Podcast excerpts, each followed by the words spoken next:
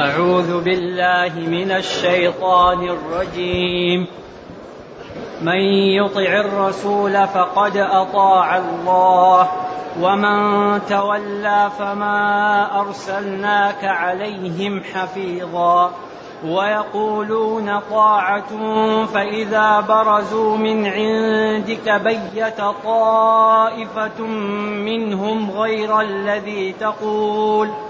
والله يكتب ما يبيتون فأعرض عنهم وتوكل على الله وكفى بالله وكيلا أفلا يتدبرون القرآن ولو كان من عند غير الله لوجدوا فيه اختلافا كثيرا وإذا جاءهم أمر من الأمن أو الخوف أذاعوا به ولو ردوه إلى الرسول وإلى أولي الأمر منهم لعلمه الذين يستنبطونه لعلمه الذين يستنبطونه منهم ولولا فضل الله عليكم ورحمته لاتبعتم الشيطان إلا قليلا.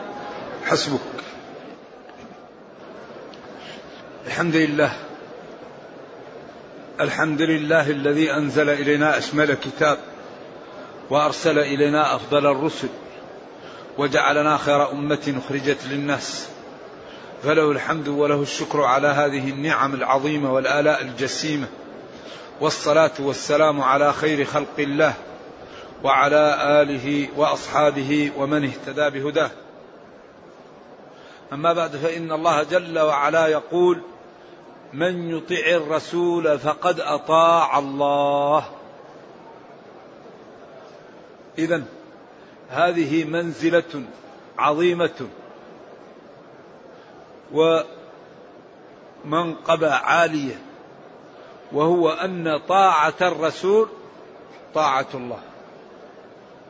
وذلك لما حب الله به نبيه من العصمة والحفظ فيما يبلغ عن ربه. لأن الله تعالى حفظ نبيه فيما يبلغ. ولذلك قال وما ينطق عن الهوى. إن هو إلا وحي يوحى. علمه شديد القوى. إذا من يطيع الرسول صلى الله عليه وسلم فقد أطاع الله. ويلزم من هذا من عصى الرسول فقد عصى الله. إذا ينبغي لنا أن نطيع الرسول صلى الله عليه وسلم فيما جاءنا به. فقد أنزل الله عليه هذا الكتاب الذي لا يأتيه الباطل من بين يديه ولا من خلفه وأخبر فيه ممتنا عليه في سورة النعم أنه تبيان لكل شيء. ثم أمره ربه بأنه يبين للناس ما نزل إليهم. فقال له ربه لتبين للناس ما نزل إليهم. وقال هو بأبي وأمي صلوات الله وسلامه عليه ألا إني أوتيت القرآن ومثله معه. إذا حري بالمسلم أن يطيع الرسول ولا يعصيه. لا في حياته ولا بعد موته فيما أمر به فلا يفعل مخالفة ما أمر به وفيما نهى عنه فلا يقدم عليه ويستن به ويتأدب بآدابه ويتخلق بالأخلاق التي أمر بها. اذا من يطيع الرسول؟ الطاعة ضد المعصية. والرسول صلى الله عليه وسلم هو محمد هنا فقد أطاع الله فقد اتبع الله وعبده ولم يخالفه. ومن تولى ولم يطع الرسول فما أرسلناك عليهم حفيظا. أنت لا, لا تلزم بأن ترغمهم على أن يعملوا وإنما أنت تبين لهم وتوضح لهم.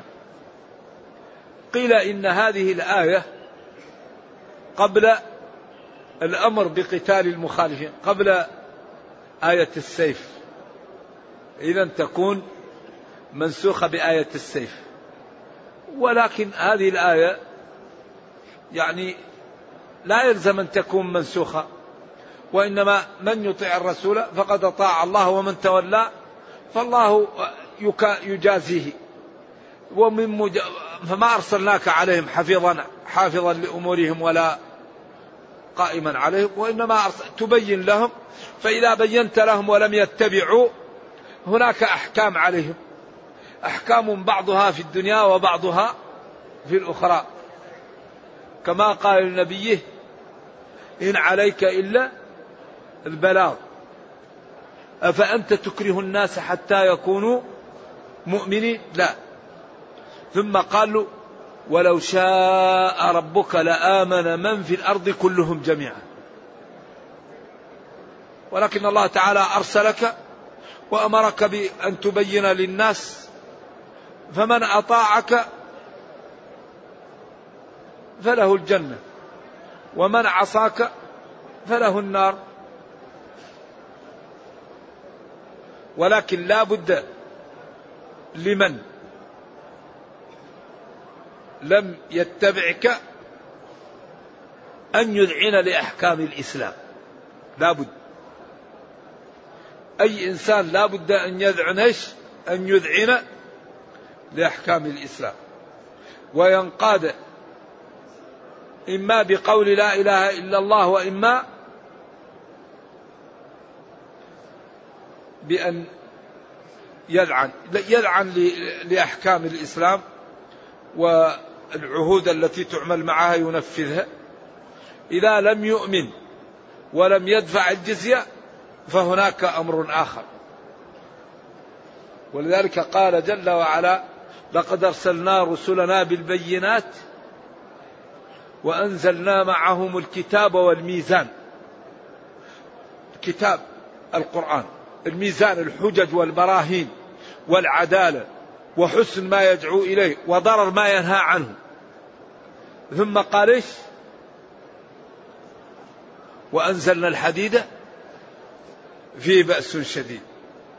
الذي لم يرتدع بالكتب يردع بماذا بالكتائب. ولذلك قال ابن كثير الناس صنفان. صنف تنفع فيه الكتب والحجة والبراهين وصنف لا تنفع فيه إلا. إلا... إلا الكتائب. لذلك قال وأنزلنا الحديد فيه بأس شديد ومنافع للناس. إذا لا بد لأهل الأرض أن يذعنوا لهذا الكتاب. وأوحي إلي هذا القرآن لأنذركم به ومن بلغ. من يطع الرسول فقد أطاع الله. هذا القرآن ينذر به كل الناس ينذر به آه، الحاضرين وينذر به من بلغه من الناس. حفيظا وكيلا رقيبا هاديا مصلحا. ويقولون طاعة.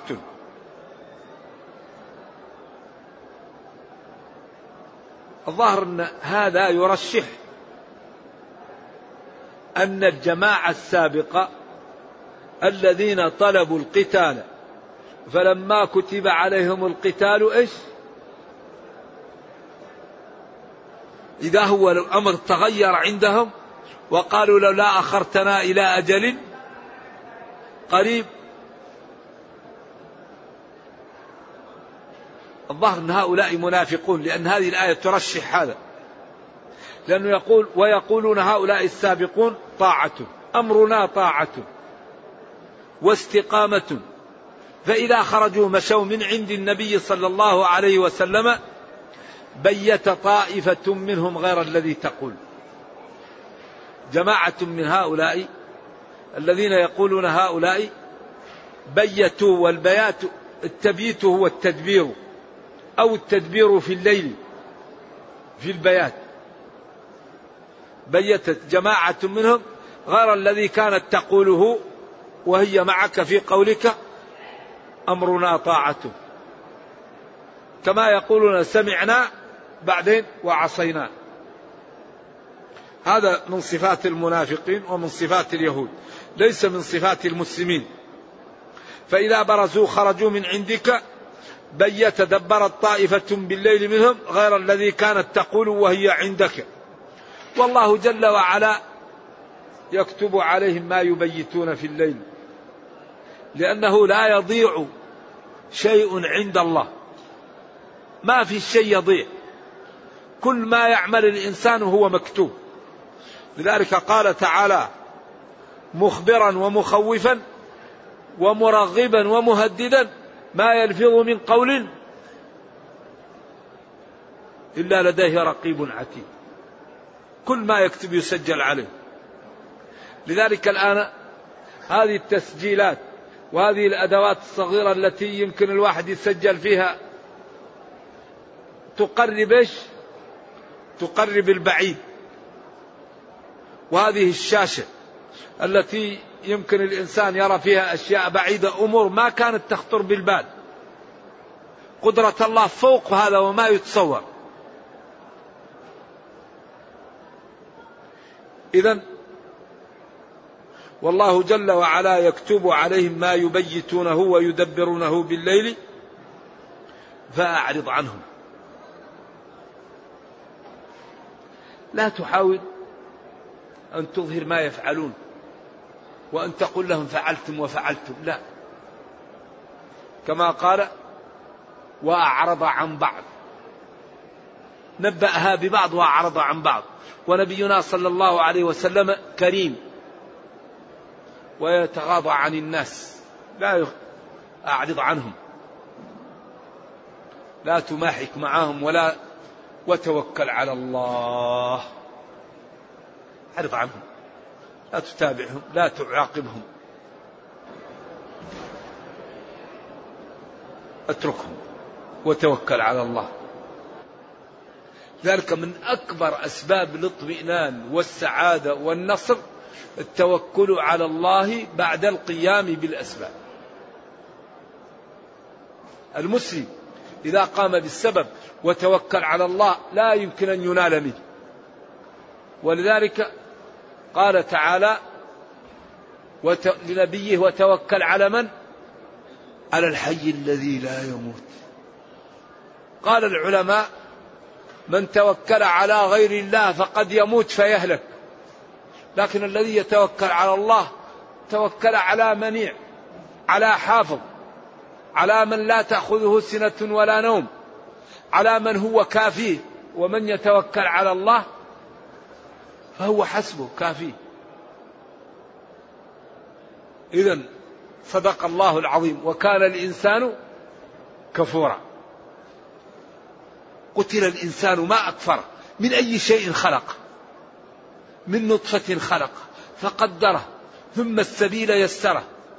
ثم أماته فأقبره. ثم إذا شاء أنشره. كلا لما يقضي ما أمره. فلينظر الإنسان إلى طعامه. أنا صببنا الماء صبا ثم شققنا الأرض شقا. ينظر الإنسان إلى هذه القدرة الهائلة. وإلى هذا العمل الذي لا يقدر عليه غير الله فيتحقق بالعذاب والعقاب وبالكرامة وبالعزة وبالبعث وبالقدرة فيستقيم ويترك المعاصي. هذا برهان على على البعث برهان على القدرة برهان على إكرام المتقين برهان على عقوبة المجرمين. فلينظر الإنسان إلى طعامه. أين يأتي الطعام؟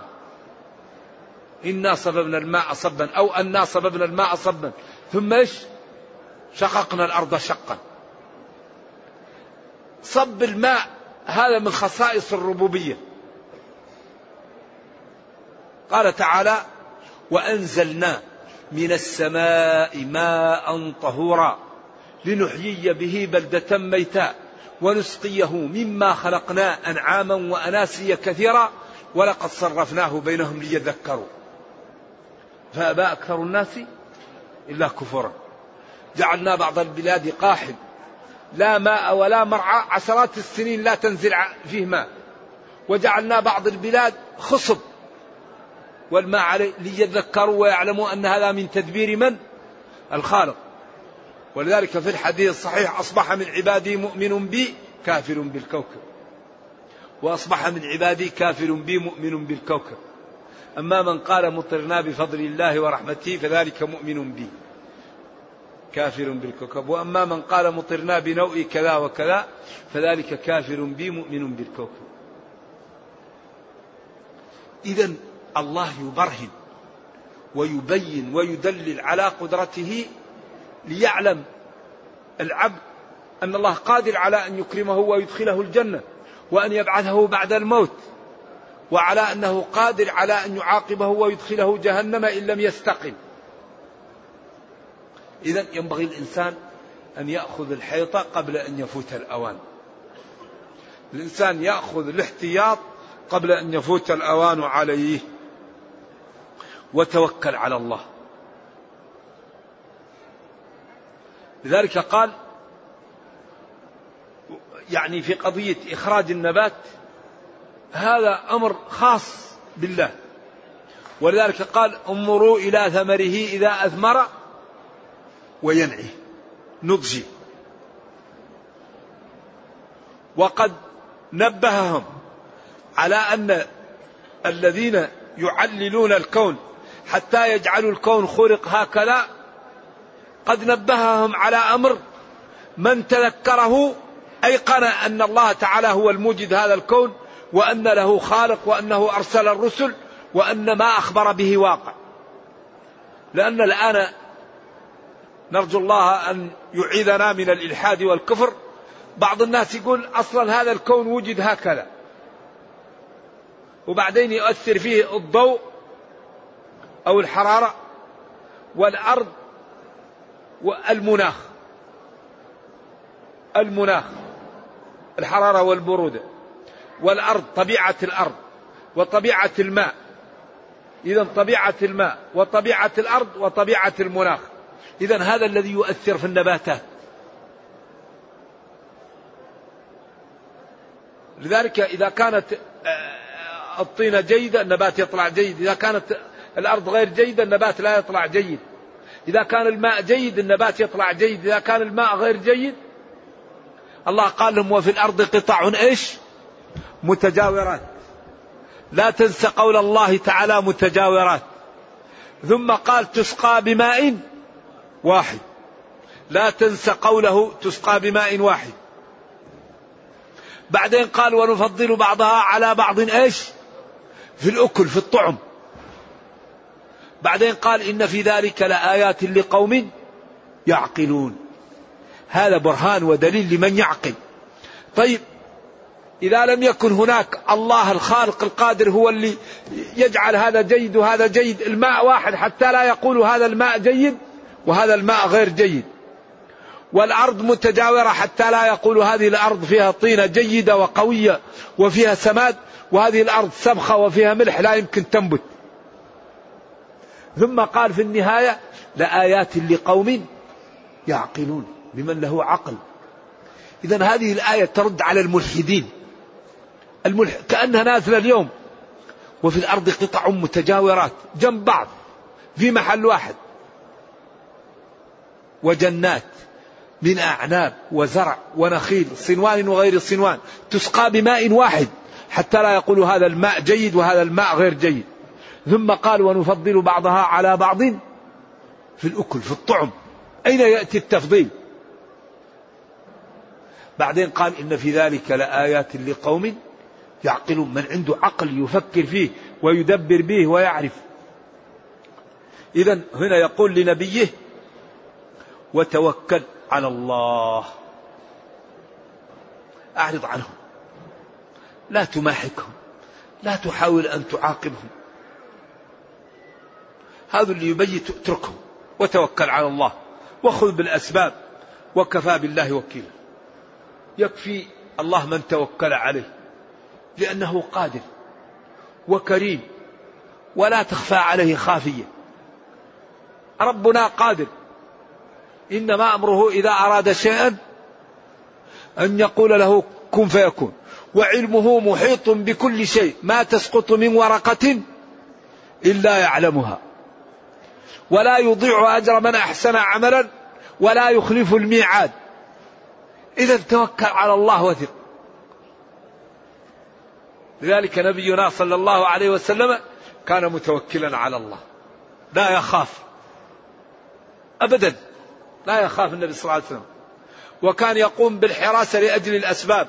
لما قال له ربه والله يعصمك من الناس خرج رأسه وقال لهم انصرفوا. خلاص. والله يعصمك من الناس. كانوا إذا خافوا يتوقون به.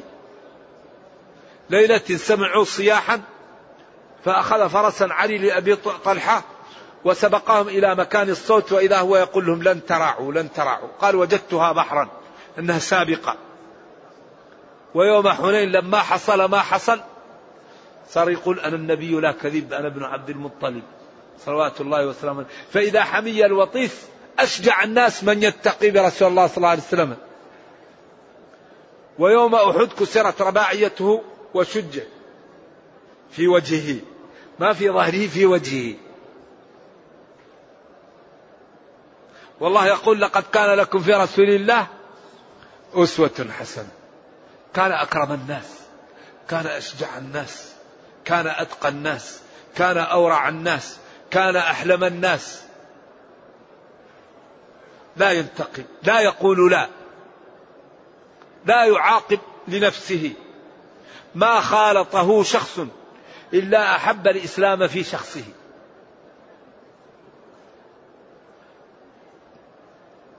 يعني زيد بن حارثة لما جاء أبوه وعمه وقالوا نريد نشتري منه قال أو غير ذلك؟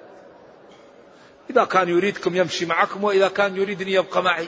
قال والله لا أبدل محمدا بأحد. صلوات الله وسلم قالوا ترضى العبودية. عن أبيك وعمك. كلبي هو هو عريق. لكن سرقوه ناس وباعوه والجزيرة قبل الإسلام. وأحيانا على بكر أخينا. إذا ما لم نجد إلا أخانا. كانت تحكمها شريعة الغاب. من عز بز ومن غلب استلب. قال والله لا أعدل أحدا بالنبي برسول بمحمد صلى الله عليه وسلم. لذلك تبنى قال هو ابني. حتى نزل القرآن وقال ادعوهم لآبائهم. صلوات الله وسلامه عليه. إذا ربه يقول له وتوكل على الحي وتوكل على الله. وتوكل على الله. لا على غيره. وكفى بالله وكيلا لمن توكل عليه. إذا من يتوكل على الله؟ الله فالله حسبه. إذا المسلم ينبغي أن يتوكل على الله. يقوم بالأسباب ويتوكل على الله. يصلي. ويقول اللهم أعذني من النار. ويرد ويغض بصره. ويقول اللهم ارزقني الورع. ويترك أعراض الناس. ويقول اللهم تب علي. ويبيع ويشتري. ويقول اللهم أغنني وارزقني الحلال. ويتزوج. ويقول اللهم ارزقني أولادا صالحين. يقوم بالأسباب ويسأل الله. لأن الله يقول ادعوني أستجب لكم. أما الذي لا يقوم بالأسباب هذا تواكل لا ينبغي. ثم قال جل وعلا أفلا يتدبرون القرآن؟ ألا ينتبهون؟ ألا يتأملون؟ ألا يستعملون عقولهم فيتدبرون القرآن؟ ألا يكونوا منصفين فيتدبرون في هذا الكتاب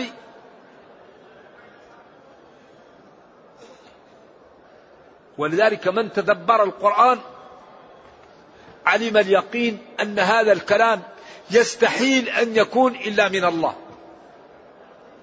لأن هذا الكلام وهو القرآن اختير له أجمل الحروف في أجمل الكلمات في أجمل المعاني في أجمل النظم فجاء بطريقة لا يستطيعها البشر لأن الحروف مختارة والكلمات مختارة والمعاني مختارة والنظم التي بين الكلمات مختارة فجمع من الجمال والحسن والجزالة والعذوبة والسلاسة والفخامة ما يستحيل أن يكون في كلام البشر. ولذلك تحداهم به التحدي السافر. وقال لهم إن كنتم مكذبين بنبيي فقد أنزلت عليه كتابا فأتوا بمثله. إن كنتم على عدم تصديق وعدم إيمان بما أنزلته على نبيي فقد جاء بلغتكم وأنتم أصحاب فصاحة وبلاغة ووصلتم في ذلك إلى العلياء فأتوا بمثله. هذا تحدي سافر. فإن لم تستطيعوا ذلك في الماضي ولن تستطيعوا أن تفعلوه في المستقبل فهناك الخطر ماثل وقد أوعد المكذب به النار فاتقوا النار. لذلك الآن آه، آه، إعجاز القرآن الذي لا يفهم العربية يعلم أن قريش جاءهم النبي صلى الله عليه وسلم وقال لهم معجزتي هذا القرآن. فإن أتيتم به فخلاص. فلم يأتوا به وتركوه وقاتلوا. إذا هذا يدل على عجزهم عن الإتيان بمثله. واحد يقال له أتي بكلام ويتركه ولا يأتي به ويقاتل فيفقد نفسه ويفقد ماله ويفقد أولاده. وهو يمكن أن يأتي بكلام. هل هل يمكن هذا؟ لا يمكن. كما أن الإنسان يستحيل أن يكون عنده ماء عذب زلال ويستطيع أن يشربه ويموت عطش ولا يشرب الماء. كما أن يستحيل هذا يستحيل هذا. أما من فهم العربية وفهم الفصاحة والبلاغة وفهم بما يجمل الكلام وبما يقبح الكلام إذا سمع القرآن علم أن البشر عاجزون عنه. لذلك كانت قريش تقول لا تسمعوا لهذا القرآن إيش؟ والغوا فيه طعنوا فيه تكلموا فيه. وكانوا إذا هجد الناس في الليل كل واحد منهم يلقم أذنه يعني زاوية من المحل اللي فيه النبي صلى الله عليه وسلم يقرأ القرآن ليسمعوا. يقول والله كلام عجيب ما رأينا مثل هذا الكلام. فإذا قرب الفجر كل واحد يحاول يذهب إلى بيته يقول له أين كنت؟ يقول ما تعاهدوا أنه لا يسمع يسمعوا لجمال هذا الكلام. ولما سمعه الوليد قال والله ماذا أقول في هذا؟ والله ليس بالشعر وليس بكهانة وليس بسحر. والله إن عليه لطلاوة وإن أعلاه لمثمر وإن أسفله لموضع وإنه لا يعلو ولا يعلى عليه. قال صبأ فلان لا بد أن تقول شيء. قال ما لا أقول؟ قال لا بد أن تقول شيء. الله قال فكر. إيش فكر إيش؟ وقدر ثم قتل كيف قدر. ثم نظر. ثم عبس وبسر ثم أدبر واستكبر. وقال وهو يعلم أنه كاذب. قال إن هذا إلا سحر يؤثر. وهو يعلم في قرارة نفسه أنه كاذب. لكن أشبه شيء بالسحر لأنه يفرق بين المرء وزوجه. قال ما وهو يعلم في قرارة نفسه أنه كاذب. لذلك هذا الدين دين قائم على أسس وعلى براهين وأدلة لا يمكن أن يقاوم إلا بالتجهيل والتكميم. الإسلام يقاوم بأن يجهل المسلمون أو يمنعوا من بيان الإسلام. فإذا سمح للمسلم أن يتعلم الإسلام ويبين لا يقاوم. إذا حري بنا أن نفهم الإسلام وحري بنا أن نبينه. نبين للناس جمال الدين. نبينه لنا بكلامنا بتعاملنا بمخالقتنا بأخلاقنا بصدقنا بنزاهتنا بايثارنا لإخواننا. وثقوا تماما أن المسلمين لو فهموا هذا الكتاب وعملوا به لكثير من الناس دخل في الإسلام. كل واحد منا ما فهم من الدين يعمل به. خلاص كل الناس تدخل في الدين. أما إذا كان الواحد يتكلم ويقرأ ذروا ما بقي من الربا إن كنتم مؤمنين ويرابي. ويقول ولا يغتب بعضكم بعضا ويغتب. ويقول وبالوالدين إحسانا ويجلس السهر ما زار والدته ولا أمه. ويقول وبذي القربى ويقطع قاربه إذا إيش فائدة القراءة إذا كان الإنسان لا يعمل؟ فأحسن شيء لنشر الدين ولتقويته القدوة الحسنة. القدوة. امتثال الدين العمل بالإسلام التطبيق. فإذا طبقنا الدين وعملنا به أظهرنا للناس حسن الإسلام فدخلوا فيه أفواجا. ثم قال جل وعلا أفلا يتدبرون القرآن؟ ألا يتأملون فيتدبرون القرآن؟ وإذا تدبرنا القرآن وجدنا كل ما نحتاج إليه فيه. أسباب دخول الجنة. أسباب دخول جهنم. أسباب النصر. أسباب الهزيمة. كيف يربى الأولاد؟ كيف ينام الإنسان؟ كيف يسافر؟ كيف يمشي في الطريق؟ كيف يبيع؟ كيف يشتري؟ كيف تكون الإدارة؟ كيف تكون الأموال؟ تبيانا لكل شيء. إذا تدبرنا القرآن كل شيء مبين في هذا الكتاب. فأسباب دخول الجنة أربعة. أسباب دخول جهنم أربعة. أصول النصر لإعداد الحسي والمعنوي. أسباب الهزيمة الخلاف وعدم الاستقامة. كل شيء مبين فيه. إذا الله يقول أفلا يتدبرون القرآن؟ إذا تدبرنا القرآن كل ما نحتاج إليه فيه. إذا تريد الجنة؟ قد أفلح المؤمنون إيش؟ الذين هم في صلاتهم خاشعون. والذين هم عن اللغو معرضون. والذين هم للزكاة فاعلون. والذين هم لفروجهم حافظ أربعة. قد أفلح المؤمنون. الذين هم في صلاتهم خاشعون. والذين هم عن اللغو معرضون والذين هم زكاة فاعلون قال هناك ما سلككم في سقر؟ قالوا لم نكن من المصلين ولم نكن نطعم المسكين وكنا نخوض وكنا نخوض مع الخائضين وكنا نكذب بيوم الدين. إذا هذه الأربعة أصول دخول الجنة وهذه الأربعة أصول دخول جهنم. وقال جل وعلا أفلا يتدبرون القرآن؟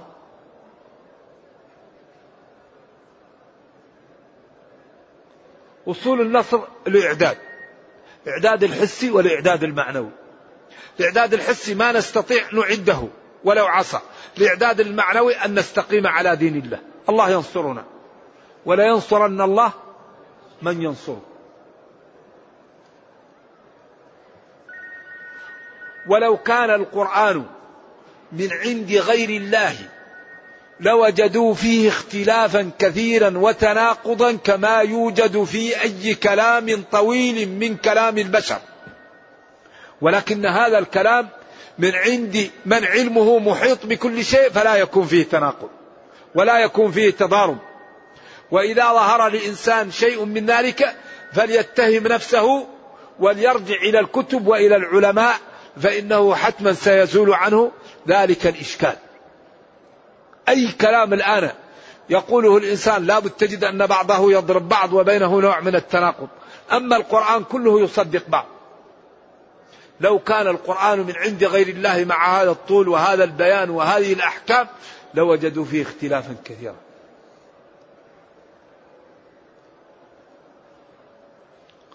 إذا وهذه الجمل كأنها معترضة ثم قال وإذا جاءهم أمر من الأمن أو الخوف أذاعوا به. هذه الجماعة الذي بيتت طائفة منهم والذين قالوا لولا أخرتنا إذا جاءهم أمر من الأمن أو الخوف من شأن المسلمين أذاعوا به نشروه ولو تركوه حتى يصل إلى النبي صلى الله عليه وسلم وإلى أولي الأمر أهل الحل والعقد لعلموا ما يقال منه وما لا يقال. ثم بعد ذلك يصدرون عن رأي النبي صلى الله صلى الله عليه وسلم وعن رأي أولي الأمر. لكان ذلك أولى وأفضل.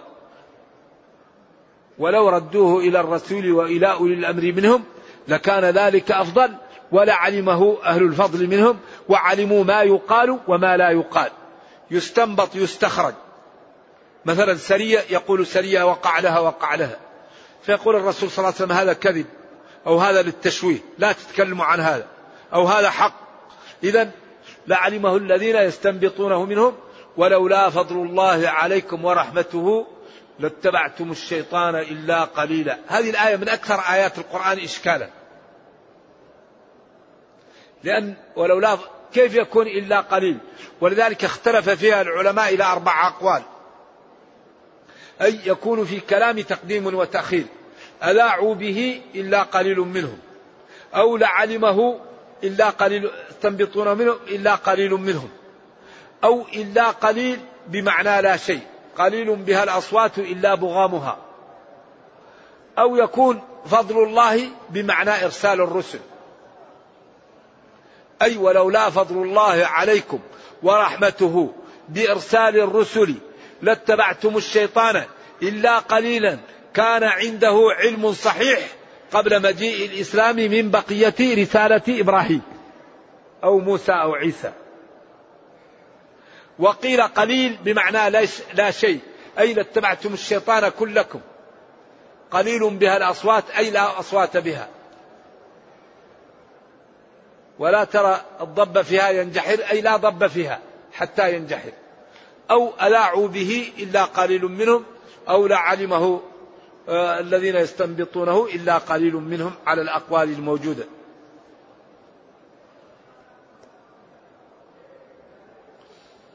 إذا هذه الآية سبب الإشكال فيها الاستثناء من فضل الله ورحمته. هذا الذي جعل الآية فيها إشكال. لأن ولولا فضل الله علينا ورحمه ورحمته لاتبعنا الشيطان كلنا. لكن لا بد يكون في الكلام تقديم وتأخير أو تكون قليل بمعنى لا شيء أو يكون فضل الله المقصود به هنا إرسال الرسل ولولا أن تفضل الله علينا بإرسال الرسل لاتبعنا الشيطان إلا قليلا منا كان على هداية سابقة من الرسالات السابقة على نبينا صلى الله عليه وسلم نعم. ونرجو الله جل وعلا أن يرينا الحق حقا ويرزقنا اتباعه وأن يرينا الباطل باطلا ويرزقنا اجتنابه وأن لا يجعل الأمر ملتبسا علينا فنضل. اللهم ربنا أتنا في الدنيا حسنة وفي الآخرة حسنة وقنا عذاب النار. اللهم إنا نسألك من خير ما سألك من محمد صلى الله عليه وسلم وعبادك الصالحون ونعوذ بك من شر ما استعاذك من محمد صلى الله عليه وسلم وعبادك الصالحون. اللهم إنا نسألك الجنة ونعوذ بك من النار. اللهم إنا نسألك الجنة ونعوذ بك من النار. اللهم إنا نسألك الجنة ونعوذ بك من النار. سبحان ربك رب العزة عما يصفون وسلام على المرسلين والحمد لله رب العالمين. والسلام عليكم ورحمة الله وبركاته.